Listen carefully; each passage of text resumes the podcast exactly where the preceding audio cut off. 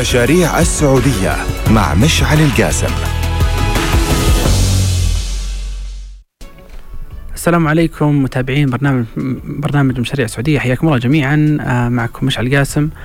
في حلقتنا اليوم آه، مواصلين حديثنا عن آه، برامج الرؤية والمشاريع الاستراتيجية والمشاريع الكبرى اللي تتم اليوم في المملكة العربية السعودية. من ضمنها طبعا برامج رؤية المملكة 2030 وكل المشاريع الضخمة والعملاقة في القطاعات المختلفة. حلقتنا اليوم آه ليوم الأربعاء طبعا من كل أسبوع بيكون عن برنامج من برامج الرؤية نشرح هذا البرنامج ونناقش تفاصيله وبعدين ناخذ اتصالاتكم أو نسمع آرائكم. آه ضيفي في الحلقة آه ليوم الأربعاء الدائم عبد العزيز اليوسف حياك الله عبد العزيز. أهلا مساء حياك الله. آه اليوم آه حلقتنا عن الخصخصة آه أو التخصيص. هذا الموضوع يعتبر جدا مهم بصراحة، وش معنى الخصخصة؟ وليش يعتبر هالشيء مهم؟ خلينا ندخل في تعريف سريع جدا للمستمعين حتى يعرفون الفكرة ويدخلون معنا على طول بالجو. اليوم في مجموعة كبيرة من المشاريع الحكومية آه اللي تتم في قطاعات مختلفة آه بصراحة. المشاريع هذه آه في قطاع الصحي التعليم النقل غيرها من القطاعات. هذه مشاريع لنفرض مثلا الحكومة تملكها زين؟ آه وهي تملك فعلا الحكومة جزء كبير من المشاريع في هذه القطاعات. فكرة الخصخصة أن هذه الأملاك تنتقل من ملكيتها للحكومة إلى أن القطاع الخاص هو اللي يملكها ويشغلها بالكامل فبالتالي إنه لما اليوم مثلا يكون عندي أنا مستشفى ملك للحكومة تنتقل ملكيته للقطاع الخاص ويشغله بطريقة آه، مختلفة عن تشغيل القطاع الحكومي فبالتالي يكون قطاع آه، مربح. آه، وبالتالي الجودة تزيد، الخدمات تزيد، آلية العمل تتطور بشكل كبير جدا. أيضا قطاع النقل على سبيل المثال، عندي أنا المطارات، عندي الطرقات على سبيل المثال. كل هذه الأمور كيف ممكن أنا أنقلها من القطاع الحكومي للقطاع الخاص وأزيد الربحية فيها وبالتالي أزيد جودة الأعمال اللي فيها. خلينا ناخذ أمثلة عملية حتى الكل آه يكون واضح. آه عندنا مثلا مطار المدينة المنورة واحد من أبرز الأمثلة اللي آه تمت خصخصته مؤخرا. صحيح. مطار آه المدينة المنورة على سبيل المثال آه كان في السابق ملك للدولة وشغلها هي طبعا مدني. اليوم صار ملك القطاع الخاص شركة بنت المشروع بالكامل وتشغله بالكامل. فبالتالي المشروع أو المطار نفسه أفضل بكثير من السابق كجودة وكخدمات وك يعني مرافق عامة. أضيف لها أهم نقطة أن آه، في السابق كان مصدر عبء مالي على الدولة الآن مصدر إيراد. الشركات آه، جالسة تدفع للدولة مقابل سنوي مقابل هالشيء يعني يتحول إيراد بنسبة معينة من إيرادات المطار للدولة. بالضبط فمعناته إنه اليوم أنا في الخصخصة لما آخذ شيء من ممتلكات الدولة وأحولها للقطاع الخاص منها إن الجودة تبي ترتفع، منها إن التكاليف على الحكومة تبي تقل، ومنها أيضا إنه آه بيكون آه يعني آه تقليل الأعباء المالية على الدولة ورفع جودة الخدمات بشكل عام. صح، وفي نقطة مرة مهمة. آه نعاني منها في السعودية انه الجهة الحكومية هي المنفذ والمشرع والمشرف على المشروع. بالضبط. والمشغل. فالخصم والحكم هو نفس الشخص. مم. فلازم يفصل دور الحكومة كجهة مشرعة ومشرفة ومراقبة للسوق والقطاع الخاص يشغل القطاعات وهي تراقب أداء القطاع الخاص. ما يصح يجمع بين الثنتين. بالضبط. وفي نقطة ترى مرة مهمة في الخصخصة. في السابق آه، كانت الجهات الحكومية مضطرة إنها تبني مجموعة كبيرة من المشاريع بحكم إنه القطاع الخاص لا زال ناشئ. صح. فبالتالي الحكومة مضطرة أن تبني المطارات الجامعات المستشفيات مجموعة كبيرة من الأمور بعكس اللي قاعد يصير في الدول المتقدمة بالعالم. ف يعني يعني لسبب هذا الموضوع إنه هذه المشاريع اليوم ملك للدولة وتشغل بالدولة. يعني في اليوم شيء في الميزانية التكاليف التشغيلية يسمونها. التكاليف التشغيليه اللي هي آه، تشغيل هذه المشاريع يصرف عليه ميزانية الدولة بشكل مباشر. تخيل يوم لما الدولة تقول خلاص أنا ما أصرف عليه من ميزانيتي هذا يصير ملك القطاع الخاص يشغله زي ما يبغى. يعني آه، كمثال آه، لأنواع الخصخصة عندنا طبعا هي فيها مجموعة كبيرة من الأنواع. الخصخصة تشمل بيع الأصول بشكل كامل أو بشكل جزئي للقطاع الخاص آه، اللي هي مملوكة للجهات الحكومية. أو ممكن يكون في شراكة بين القطاعين العام والخاص اسناد تشغيل قطاع معين مملوك للحكومه للقطاع الخاص.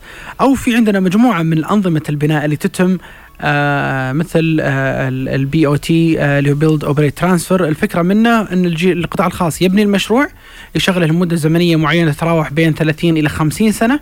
وياخذ الأرباح منها وبعدها ينقل ملكية هذا المشروع للحكومة بشكل كامل. وتشغل الحكومة أو القطاع الخاص يشغل لها آه، يعني آه، بأي طريقة كانت آه، تختار الحكومة.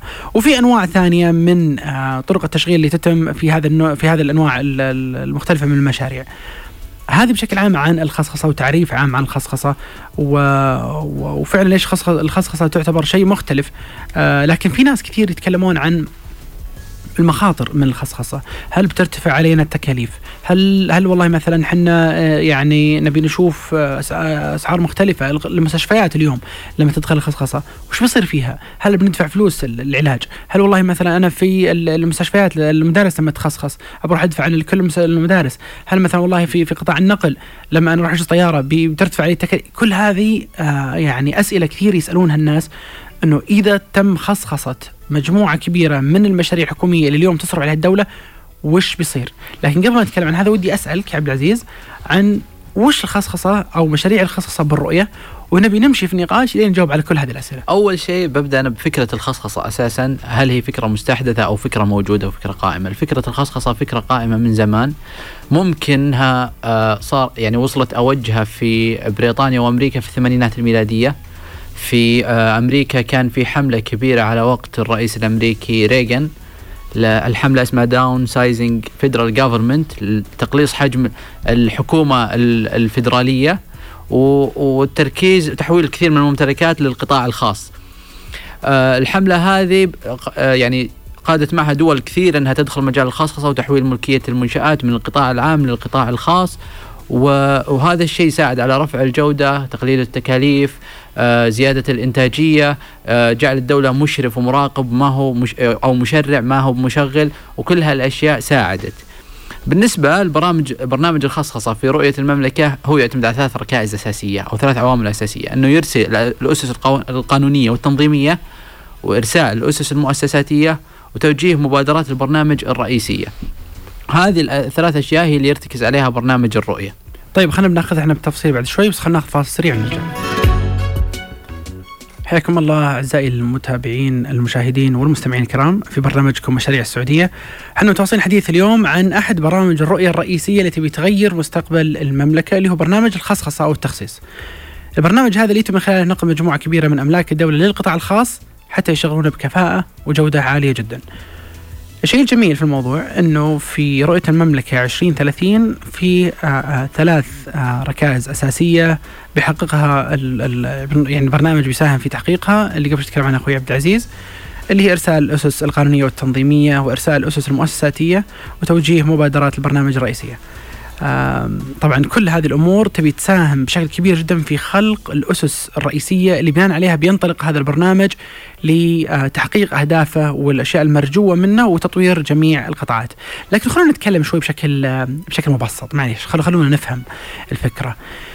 ناس تجي تقول مثلا إنه ليش والله مثلا مطار عندنا الخدمة اللي فيه جدا سيئة، الأسعار اللي فيه أحيانا غالية آه، الخدمات اللي فيه ما هي كويسة. آه، يعني أحيانا دورتهم ما بكرامه فيها مشاكل أحيانا مو نظيفه أحيانا فيها وهي أشياء أساسية بصراحة للخدمة. المحلات الموجودة ما هي متنوعة الخيارات اللي فيها ما هي كافية. يعني لما نروح لمثلا دول مختلفة في العالم ونشوف المطارات اللي موجودة عندهم أنا متأكد إحنا عندنا في السعودية الصراحة ما ينقصنا شيء مفروض. ما ينقصنا شيء إحنا نقدر نحقق نفس الجودة اللي موجودة برا. لكن في سر في شيء معين ناقص. الخصخصه شو ممكن يسوي؟ طيب أنا بقول لك يعني دامك أنت أعطيت مثال على المطار. المطار بفكرته السابقة مطار مملوك لهيئة الطيران المدني. فيه موظفين موجودين في المطار. المطار الموظفين الموجودين فيه يستلمون راتب. الميزانية مخصصة للمطار من هيئة الطيران المدني. اللي بدورها أخذت الميزانية من وزارة المالية سواء أنتجت أو ما أنتجت الميزانية نفسها. واحد من المطارات صار عليه مشكلة قبل فترة المنافذ التجزئة الموجودة في محلات ومطاعم 30 سنة ما آه خذوا تأجير منهم مأجرين في عقد بينهم لكنهم ما ما يأخذون مستخلصات. مم. لأن ما هي شركة ما تبحث عن ربحية ما تبحث عن استغلال كل فرصة أنا موظف يجيني راتبي في آخر الشهر والعملية ماشية والناس ماشية وفي العملية البيروقراطية الحكومية لو بتسوي صيانة لدورة مياه لازم تطرحها مناقصة والمناقصة تاخذ وقت ويرفع للمالية وهات المالية وإلى ما لا نهاية. صح. لكن لما تكون شركة القرار يصدر بشكل فوري تبحث عن تحسين كل الخدمات مقابل إنها آه، تحقق أرباح. آه، خفض التكاليف قد ما تقدر مقابل رفع الجودة. استغلال كل شبر في المطار يقدر يحقق لها دخل. مطاعم مواقف آه، إعلانات. مقاهي إعلانات. آه، حتى على المستوى ال- ال- ال- ال- المظهر الخارجي. كل هذه فرص المطار صح. يقدر يستغلها. صح وفي نقطة مهمة آه، اليوم أنا أعطيكم مثال ال- ال- التكاليف التقديرية لتشغيل ال- الجهات الحكومية لمشاريعها عالية جدا. يعني خليني أفترض معكم على سبيل المثال كم عندي أنا موظف يشتغل؟ وكم رواتبهم كيف الإنتاجية لكل موظف وكيف طريقة قياس هذه الإنتاجية. يعني زي ما ذكر عبد العزيز قبل شوي أنه آه، الموظفين الحكوميين يشتغلون على سلم الرواتب الحكومي بشكل تقليدي. الرواتب تقريبا ثابتة والأداء ما هو يفرق كثير في ال- ال- تقييم. ال- التقييم أو بالراتب.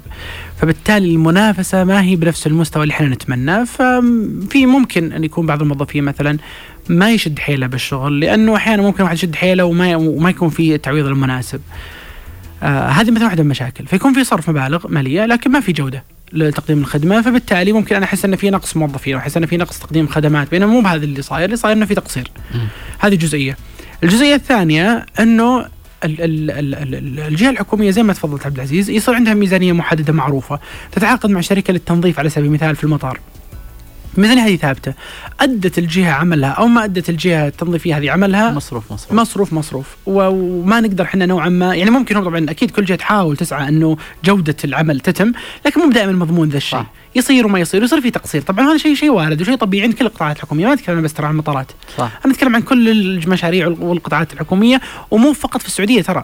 يعني حتى على مستوى الجهات الحكومية برا في إيه. أمريكا في أوروبا إيه. يعني مثلا لو تروح في أمريكا لخدمات المرور وغيرها من ال- الخدمات الرخص وكذا ترى يعني آه، ضعيف. مت- متخلفين إلى أبعد درجة يعني مرة مرة يعني. أنا عراجات عندهم لما كنت أدرس هناك كانت ال- ال- المراجعات تتأخر وتأخذ وقت طويل جدا فغالبية عمل الحكومة في أي مكان يعني عادة يصير أقل مستوى من القطاع الخاص لأن القطاع الخاص يهمه الربحية ويهمه مستوى الخدمة وك- عشان وقد ما. تخدم قد ما تحقق أرباح. بالضبط. فب- واضف لها التنافسية في بين الموظفين آه، أضف لها ال ال ال ال الرواتب اللي تصرف للموظفين وتحفيزهم على العمل. كلها أقل في القطاع الحكومي من القطاع الخاص. بالضبط فبالتالي معناته إنه أنا لما أجي لأي مشروع اليوم ينفذ القطاع الخاص آه، آه، مقارنة بالقطاع الحكومي اللي يشتغل عليها أنا بفترض إن الجودة تعتبر مقياس رئيسي. خليني بعطيك مثال معليش قبل ما نروح للجهات المسؤولة عن برنامج التخصيص آه، في وزارة الصحة كان في مقابلة لمعالي وزير الصحة تكلم فيها عن التأمين الطبي للمواطنين كيف بيصير؟ وكيف بيتم خصخصه القطاع الطبي. كثير يمكن ما سمع هال- هالفكرة. إنه اليوم زي ما قلت عبد العزيز في المطار في الم- في المستشفى نفس الشيء. الميزانية تصرف. تعتمد لهالمستشفى وتصرف له. مثلا خلينا نفترض مستشفى ألف بياخذ 50 مليون سنويا. ويلا ويعطونا 50 مليون ويبدا يشتغل ويعالج مرضى و إلى آخره. بغض النظر كم عالج من مريض ما عالج وش نوع الحالات؟ بالضبط. 50 مليون تجي وانتهى الموضوع. وإذا بغوا تعزيز يطلبون تعزيز إلى آخره. اللي بيصير مستقبلا إنه ما عاد في مثلا 50 مليون تروح مستشفى ألف. كل حالة يعالجها هذا المستشفى فاتورتها تبي ترسل للوزارة. مقابل هالفاتورة يرسل لك. يرسل لك الأموال. لو عالجت طوال السنة مريض واحد بترسل لك فلوس مريض واحد فقط. لو عالجت ألف مريض بترسل لك فلوس ألف مريض. هذا وش يعني؟ يعني إنه المستشفى اللي ما يخدم المرضى ما راح تجيب ما راح تجيب فلوس بيجلس فاضي. المرضى مين جايتك إذا خدمتك سيئة. صح. فبالتالي بيرفع المنافسة بين المستشفيات. كل كل- واحد صار يحاول يجذب. يا سلام عليك. فالآن الآن صارت المستشفيات ربحية. بس مين اللي يدفع لها؟ يدفع. لها الحكومة. المواطن ما راح يتكلف يتكفل اي يتكلف اي أي أي عيب شيء.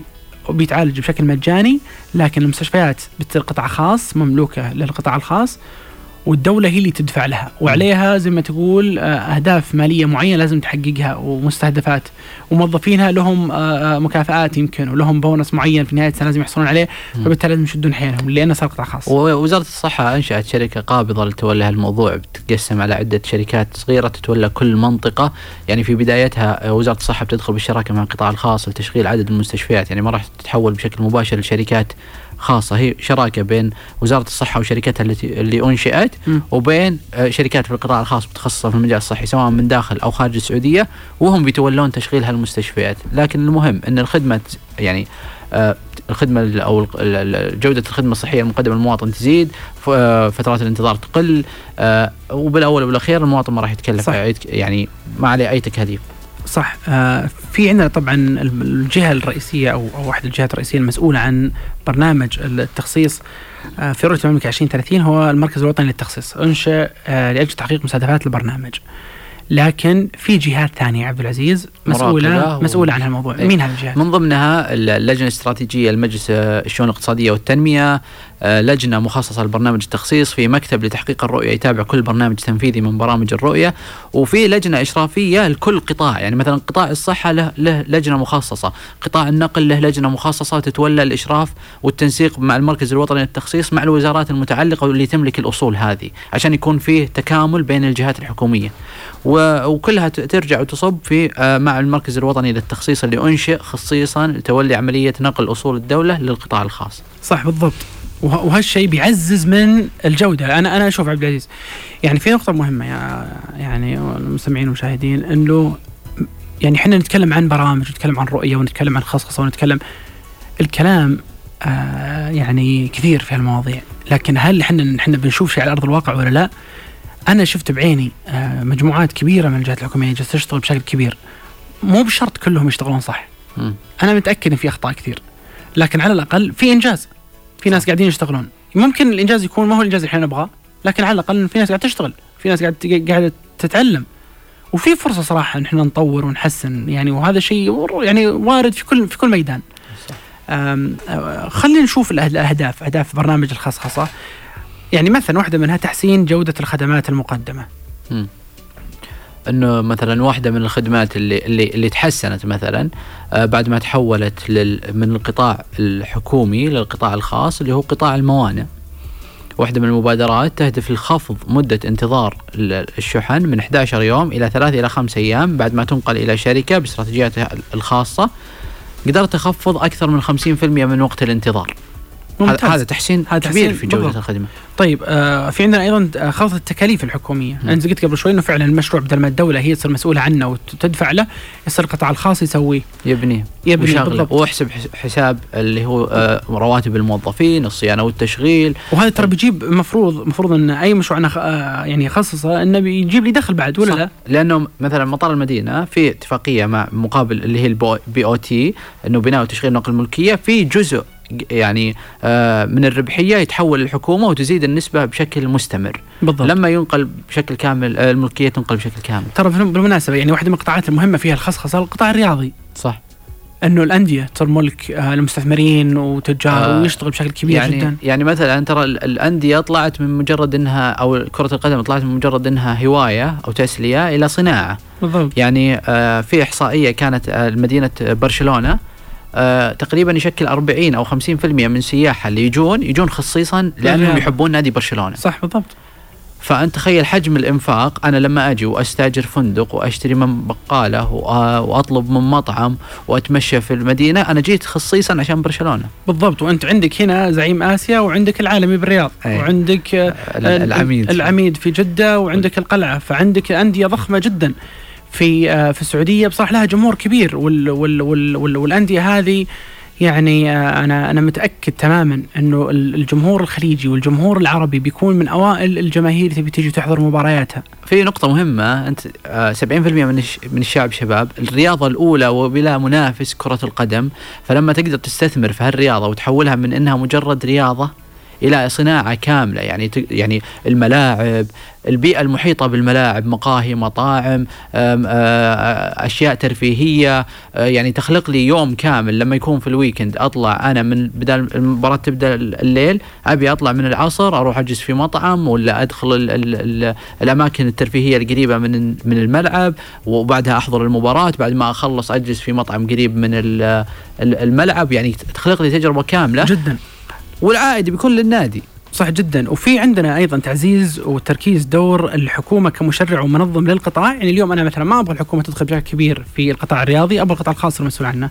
وبرضه باقي القطاعات الأخرى إني أبغى الحكومة تصير دورها إنها إنها رقابي. إنها إي بالضبط إنها تساهم في نجاح هذه القطاعات المختلفة. وأيضا في عندنا جذب المستثمرين المحليين والدوليين وهذا بيضخ أموال كبيرة جدا. داخل داخل ال- المملكة وفي مشاريعها واقتصادها وتجاربها بتزيد زي ما تقول مصادر دخل جديدة للمملكة وبتزيد جودة الوظائف وتنوعها حتى وممكن تجيب لنا حتى قطاعات جديدة ما كانت موجودة قبل بحكم القطاع الخاص صار أكثر جرأة وأكثر آه، منافسة. أيضا آه، تحسين ميزان المدفوعات. آه، في في في في نقطة يعني مهمة. اليوم الجهات الحكومية لما آه، تقول زي ما قلنا قبل شوي إنه الج- الجهات الحكومية قادت قطاعات كثيره جدا بسبب ان القطاع الخاص ما كان موجود وكان لازم الحكومة تدخل في هالشيء. صح اليوم جد دور القطاع الخاص إنه يقود في هالموضوع، إنه يبدأ هو اللي ياخذ ال ال القيادة في هال هالمشاريع المختلفة، زي على سبيل المثال قطاع الترفيه، قطاع السياحة، لا زالت تقاد من جهات حكومية لكنها حتى يعني أنا أعتقد يعني وهذا المفروض إنه يصير إنه بعد مدة نبي نشوف الجهات الحكومية تطلع وتشرع وتنظم وتسهل على الناس وعلى المستثمرين ويبقى الاستثمار والمستثمرين هم يتولون الموضوع. السوق في بدايته دائما يحتاج يعني عملاق يقدر يصنع الفرص. صندوق الاستثمارات العامة تولى هالشيء في بعض المجالات. أسس شركة في قطاع الترفيه أسس شركة في قطاع الموانئ أسس شركة في قطاع المطارات. هذه بتتولى البدايات وبعدها بتخلق فرص إضافية لصغار ومتوسطي الشركات الصغيرة والمتوسطة وحتى الشركات اللي من برا بعد ما يتقوى القطاع بالقطاع الخاص ويكون فيه جرأة للدخول بيكون المجال مفتوح لهم بالضبط يعني الطريقة ال- السابقة كانت الحكومة هي اللي تبني المشروع وهي اللي يعني تتولى التكاليف حقتها وتشغله وتسوي أمور كثيرة جدا اليوم لما الحكومة تبي تدخل قطاع جديد تدخلها عن طريق القطاع. الخاص من خلال صندوق الاستثمارات العامة بشركات حتى انها. بالضبط حتى إنها تأسس هذا القطاع بعقلية قطاع خاص. صح. وبعدين حتى تتيح القطاع الخاص مشاركتها في مجموعة كبيرة من الفرص. حتى أساسا صندوق الاستثمارات العامة في آه، يعني من ال- المبادرات أو الخطط المستقبلية له إن الشركات هذه يطرح جزء منها للاستثمار في سوق الأسهم. بالضبط صح. طيب خلونا ناخذ فاصل سريع ونرجع لكم. ثانية. حياكم الله المستمعين والمشاهدين الكرام معكم في برنامجكم مشاريع السعودية يسعدنا استقبال أسئلتكم على هاشتاج مشاريع السعودية UFM على تويتر وأيضا بنستقبل اتصالاتكم اليوم على الهاتف المباشر آه على الرقم صفر ثمانية واحد واحد واحد آه واحد صفر تسعة تسعة تسعة تسعة. أعيد الرقم صفر ثمانية واحد واحد واحد واحد صفر تسعة تسعة تسعة تسعة. بناخذ أسئلتكم ونجاوب عليها في برنامج الخصخصة آه بكل التفاصيل إن شاء الله اللي فيه. آه مكملين معكم الحين الحديث في البرنامج. آه البرنامج طبعا آه فيه 100 مبادرة للخصخصة مقسمة على 10 قطاعات بحلول عام 2030 خمس قطاعات تستهدف الخصخصة بحلول 2020 في 14 عقد شراكة بين القطاعين العام والخاص. آه خلينا ناخذ بعض المعلومات ال- ال- المهمة آه في في في مجال الخصخصة. عبد العزيز في معلومة مهمة يمكن عن مساهمة القطاع الحكومي في السعودية. إيه ال- القطاع الخاص في في السعودية مساهمته منخفضه مقارنة بدول أوروبا أو في أمريكا مثلا. آه، آخر مساهمة أو إحصائية صدرت في عام 2016 كانت مساهمة القطاع الخاص تقريبا 43%. المستهدف في 2030 انها ترتفع مساهمة القطاع الخاص في الناتج المحلي إلى 65% وهو رقم يعتبر كويس حتى على مستوى العالم. فالآن دورها مثل ما قلنا الحكومة إنها تكون مشرع ومراقب ومشرف القطاع الخاص هو اللي المفترض يقود الاقتصاد ممتاز طب خلينا ناخذ أمثلة معليش يعني على مستوى العالم وش المشاريع طيب، الكبيرة أ- والمؤثرة أنا بقول لك أمثلة بقول لك مثال أنت جربته وأنا جربته. في أمريكا اذا بغيت تسافر من ولاية لول- الولايه بعد مسافة معينة من خروجك من المدينة فيه آه، بوابة تدفع فيها مقابل إنك تستخدم الطريق هذا. ممكن تستخدمه مسافة آه، 500 كيلو تدفع عليها 2 دولار 3 دولار لكن مقابلها فيها أشياء. اولا الطريق آه، مصان بجوده عالية تلقى خدمات كويسة آه، كمحطات طرق ومحطات للراحة آه، دورات مياه نظيفة آه، أماكن للأكل. يعني أنا بضرب لك مثال. لو أنت مسافر الحين من الرياض لجدة مسافة تقريبا 800 كيلو وقالوا لك ادفع 10 ريال في بداية الطريق مقابل إنك تلقى الخدمات هذه طول الطريق من آه، جودة آه، طريق بمستوى عالي وتلقى محطات طرق ومحطات راحة ممتازة. و- ومطاعم وكافيات تقدر تاكل أو ترتاح فيها كفنادق. أتوقع إنه مناسب لك إنك تدفع هالمبلغ. إحنا أتوقع عندنا حتى بالنسبة للطرق أتوقع في قطاع النقل بالذات يمكن توفر هذه الخدمات من دون ما يكون فيها خصخصه هذا بالذات. اي لكن في قطاعات ثانية آه زي مطارات مثلا زي ما قلنا زي المستشفيات yes أنا أحتاج ذا الشيء بشكل كبير جدا. ليش؟ لأن أنا أنا أحيانا زي ما تفضلت أنت قبل إنه أنا أحيانا أدفع نفس المبلغ اي بس الخدمة سيئة. صح. طيب هل أنا أقدر أدفع نفس المبلغ هذا بخدمة أفضل؟ نعم. لما يجي القطاع الخاص يدير العملية هذه وهو اللي يصير مسؤول عن فلوس اللي أنا أدفعها أتوقع بال- بال- بالضرورة إنه التكاليف تبي تقل الجودة تبي ترتفع فبالتالي هامش الربح بيكون أعلى بكثير آه على الخدمات اللي تقدم في عندنا أيضا آه يعني من ضمن ال ال ال الأمثلة آه مثلا آه القناة البحرية أعتقد في في في بين بريطانيا وفرنسا وش فكرتها؟ قناة المانش هذه فكرتها أنشئت عن طريق ال- القطاع الخاص آه، بحق التشغيل لمدة 99 سنة. وهو القطاع الخاص آه، لتسهيل عبور ال- ال- السيارات وال- والسفن مقابل أنه يأخذ رسوم مقابل كل عبور. ممتاز. وهذا يحقق دخل للقطاع الخاص وبنفس الشيء الدولة ما تكلفت أي تكاليف. ممتاز. طبعا آه، في قطاع ال- الخصخصة في عندنا طبعا آه، ال- الموانئ. تحويل خمس موانئ تحت إدارة الشركات من ضمنها الشركة السعودية العالمية للموانئ. آه، وفي عندنا أيضا قطاع آه، المياه تحليه المياه خ- خصخة محطة آه، رأس الخير بالكامل. وترى بالمناسبة كلمة خصخصة تراها صعبة. تخصيص. إي يعني لما تقولها بسرعة كذا. مرة تبي تخربط. ما عاد- تدري وش تخصيص. الب- البرنامج كله تخصيص. بالضبط في برنامج التخصيص يمكن أسهل شوي في النطق. آه في عندنا مثلا آه تخصيص مواقف السيارات في الأماكن التجارية والمزدحمة في المدن الرئيسية. مثلا هذه ممكن تكون في حالات معينة. طبقت في بعض الأماكن في مكة وجدة.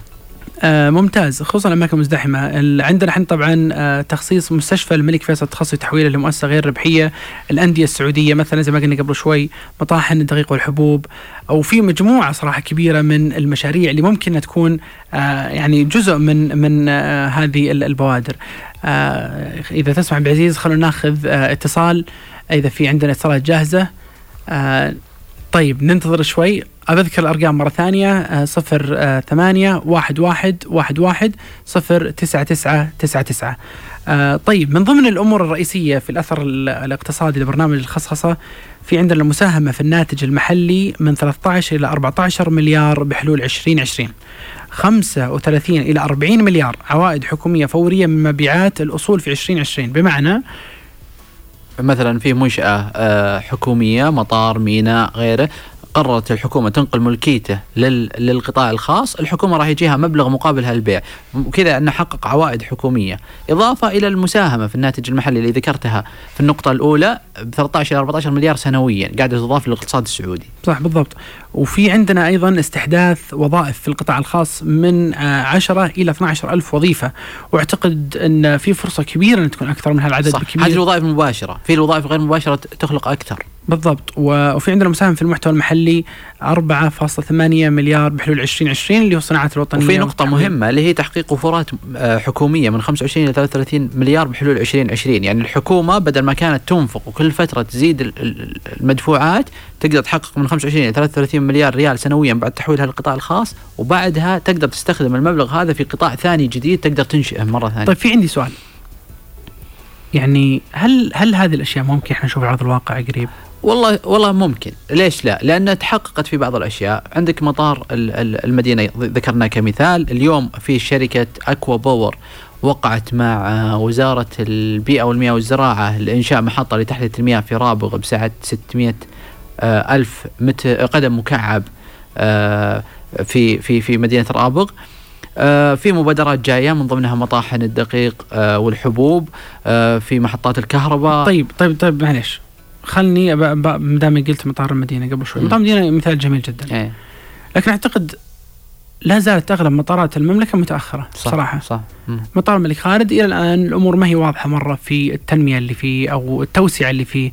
بالشكل اللي إحنا نتمنى آه، يعني يعني مثلا أعطيك مثال آه، الخطوط السعودية الخطوط السعودية واحدة من أهم الشركات الوطنية إذا أنا أبغى الخطوط السعودية تصير خطوط ناجحة أو تنافس الخطوط الإقليمية في المنطقة مثل الخطوط الإماراتية أو الخطوط القطرية أو غيرها من الخطوط اللي اللي آه، فعلا اشتغلت فترة زمنية معينة وحققت نجاحات أنت أنت تحتاج عوامل نجاح مختلفة ولا صح. لا؟ على سبيل المثال يعني الخطوط السعودية لحالها ما تقدر تسوي شيء. لازم أول شيء يصير عندها مطار رئيسي. مطار جدة هو مطار الحجاج المعتمرين الرئيسي اللي جالسين ننتظر انه انه يدشن بالكامل وتدشن في كل الرحلات بالكامل. الداخلية والدوليه الداخلية والدوليه فلازم أول شيء يختار مطار رئيسي. يصير في بينك وبين المطار تنسيق عالي جدا على مجموعة كبيرة من الأمور. انه والله المطار مثلا فيه إمكانيات فيه قدرات فيه مساحات ممتازة. إذا جو المسافرين عندي أنا في رحلة دولية وبيروحون من من الشرق للغرب أو من الغرب للشرق أنه والله مثلا بيلقى أماكن حلوة يجلس فيها بيلقى فندق قريب ويمكن في نفس الفندق في نفس المطار في نفس الصالة ما يحتاج أنا أروح مثلا مقر فندق بمكان مختلف. التنقل بين الصالات سهل. ال ال ال ال ال ال الإمكانيات الموجودة الخدمات في, في مرافق المطار أيضا ممتازة. أنا أحتاج على سبيل المثال المدينة نفسها اللي فيها هذا المطار لازم يكون فيها بعد قدرات يعني سياحية. تناسب الزوار. يعني مثلا أنتظر المترو إنه يخلص أنا أنتظر مثلا المركز المالي يخلص عشان المسافرين يدخلون بدون فيزا يمكن في اوقات الانتظار. هل اليوم في خطة مشتركة بين هذا كله؟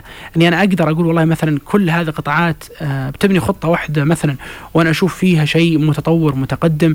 إذا المطار بيشتغل الحاله آه كيف كيف بيقدر يحقق النجاح إذا ما يشتغل مع الخطوط اللي ممكن تجيب له الناس وفعلا يزيد الدخل وفعلا تزيد جودة الخدمة والموظفين يزيدون والرواتب تزيد؟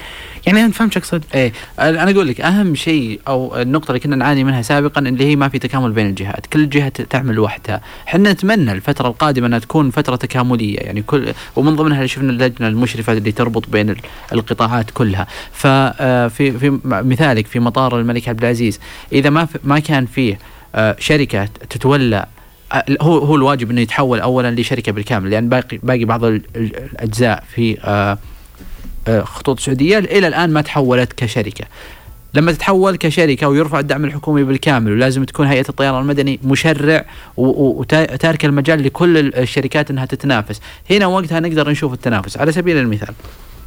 طيران الإمارات يملك صالة مستقلة خاصة فيه، كثير من الطيرانات في أمريكا وأوروبا آه لها آه صالات و terminal خاص فيها هذه يساعدها في عمليات آه الوصول والمغادرة، إدارة ال terminal بشكل كامل، تسهل عليها وتساعد في جذب المسافرين.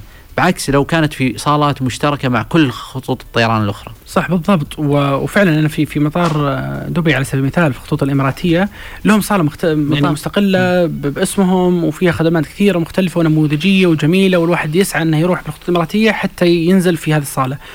آآ آآ ففعلا يعني التكامل بين الخدمات هذه في القطاع الخاص إحنا نشوف إنه مبدأ رئيسي وشيء جدا جدا جدا مهم.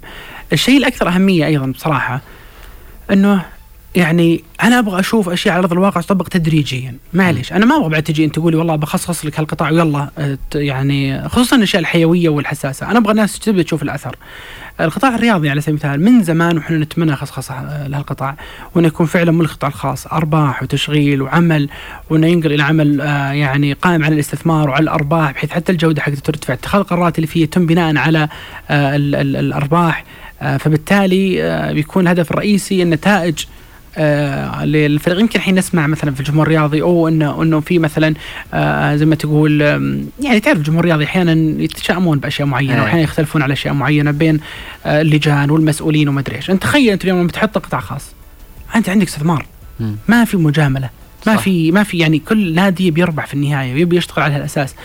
الحكومة لما تحول القطاع الرياضي أو أي قطاع آه كقطاع خاص مسؤولة عن حماية هذا القطاع مسؤولة عن حماية المستثمرين مسؤولة عن حماية الاستثمارات نفسها. يعني بتكون بيكون دور هيئة الرياضة قريب من دور هيئة سوق المال في سوق الأسهم.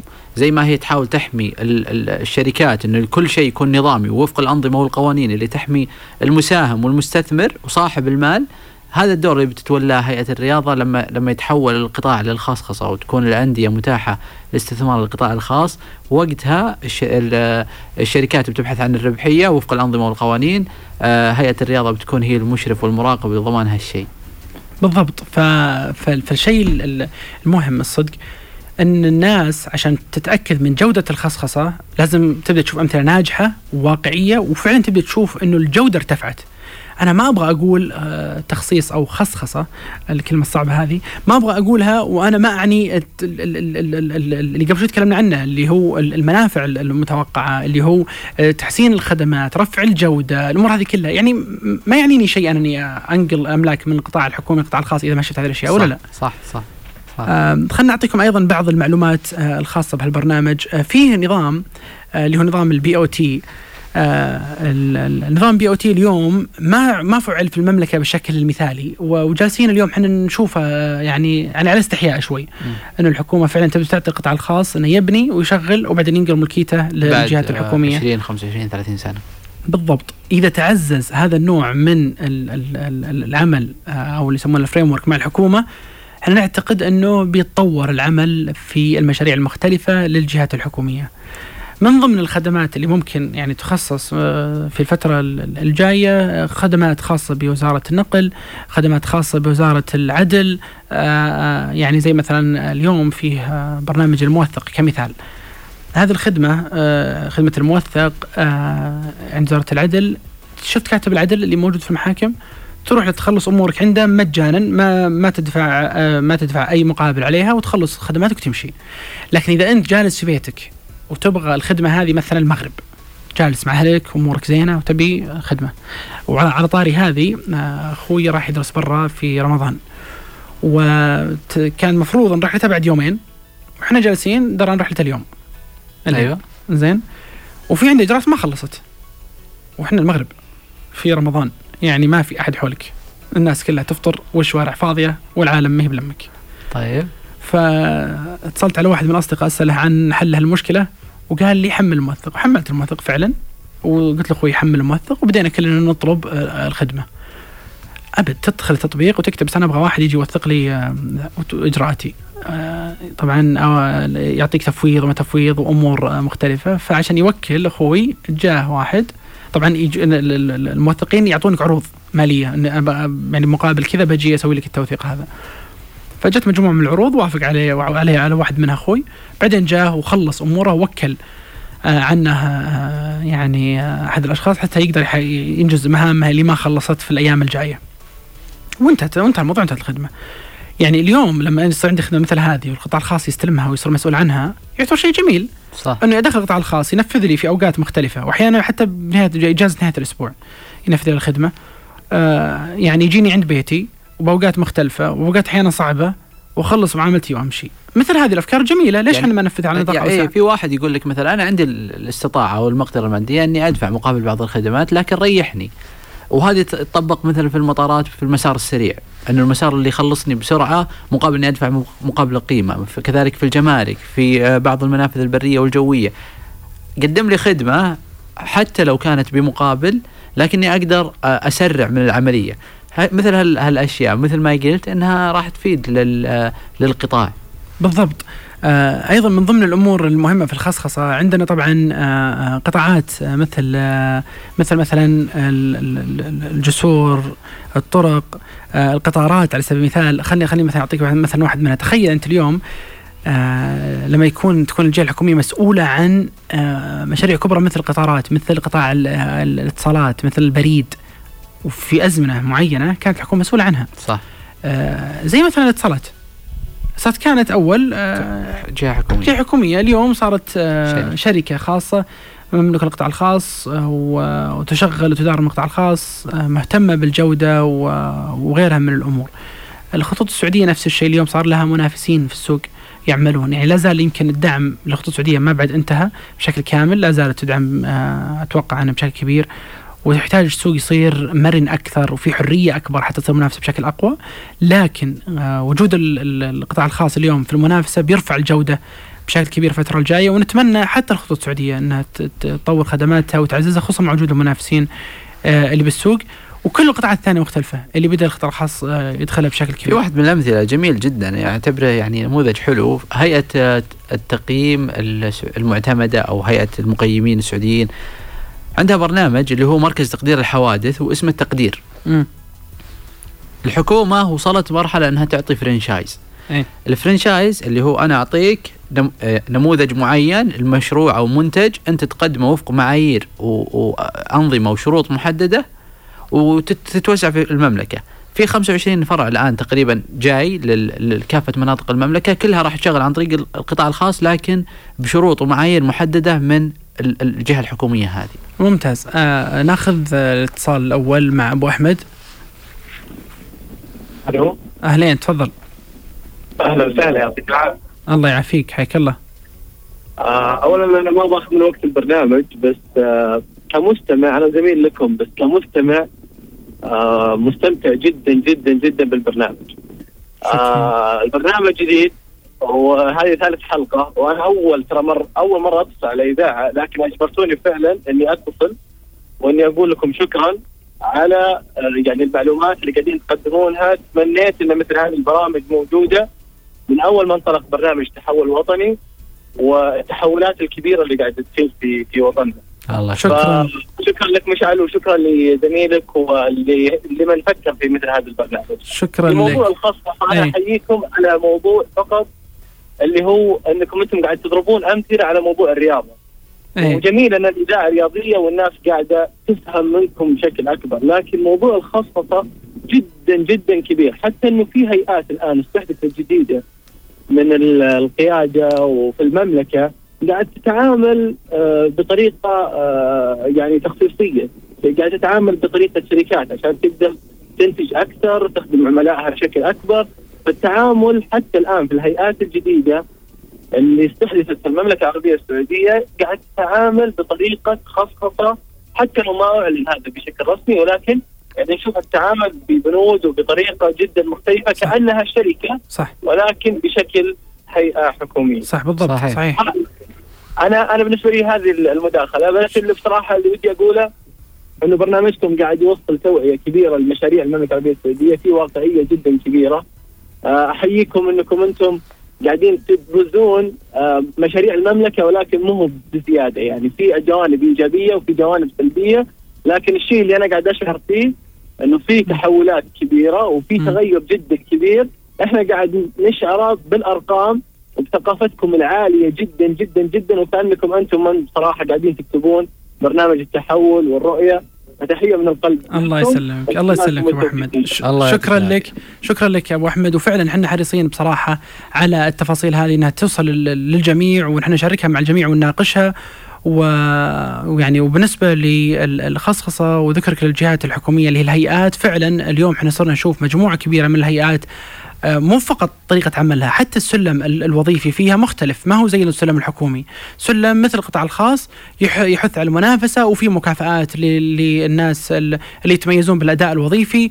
آه، وهذا مختلف عن القطاع الحكومي والسلم الحكومي التقليدي لمجموعة كبيرة صراحة من الهيئات الجديدة والكلام فعلا صحيح. بالنسبة لإضافتنا إحنا مستمرين طبعا في دعم مشاريع التنمية وعندنا أيضا منصة الإلكترونية اللي هي مشاريع السعودية فيها كل التفاصيل.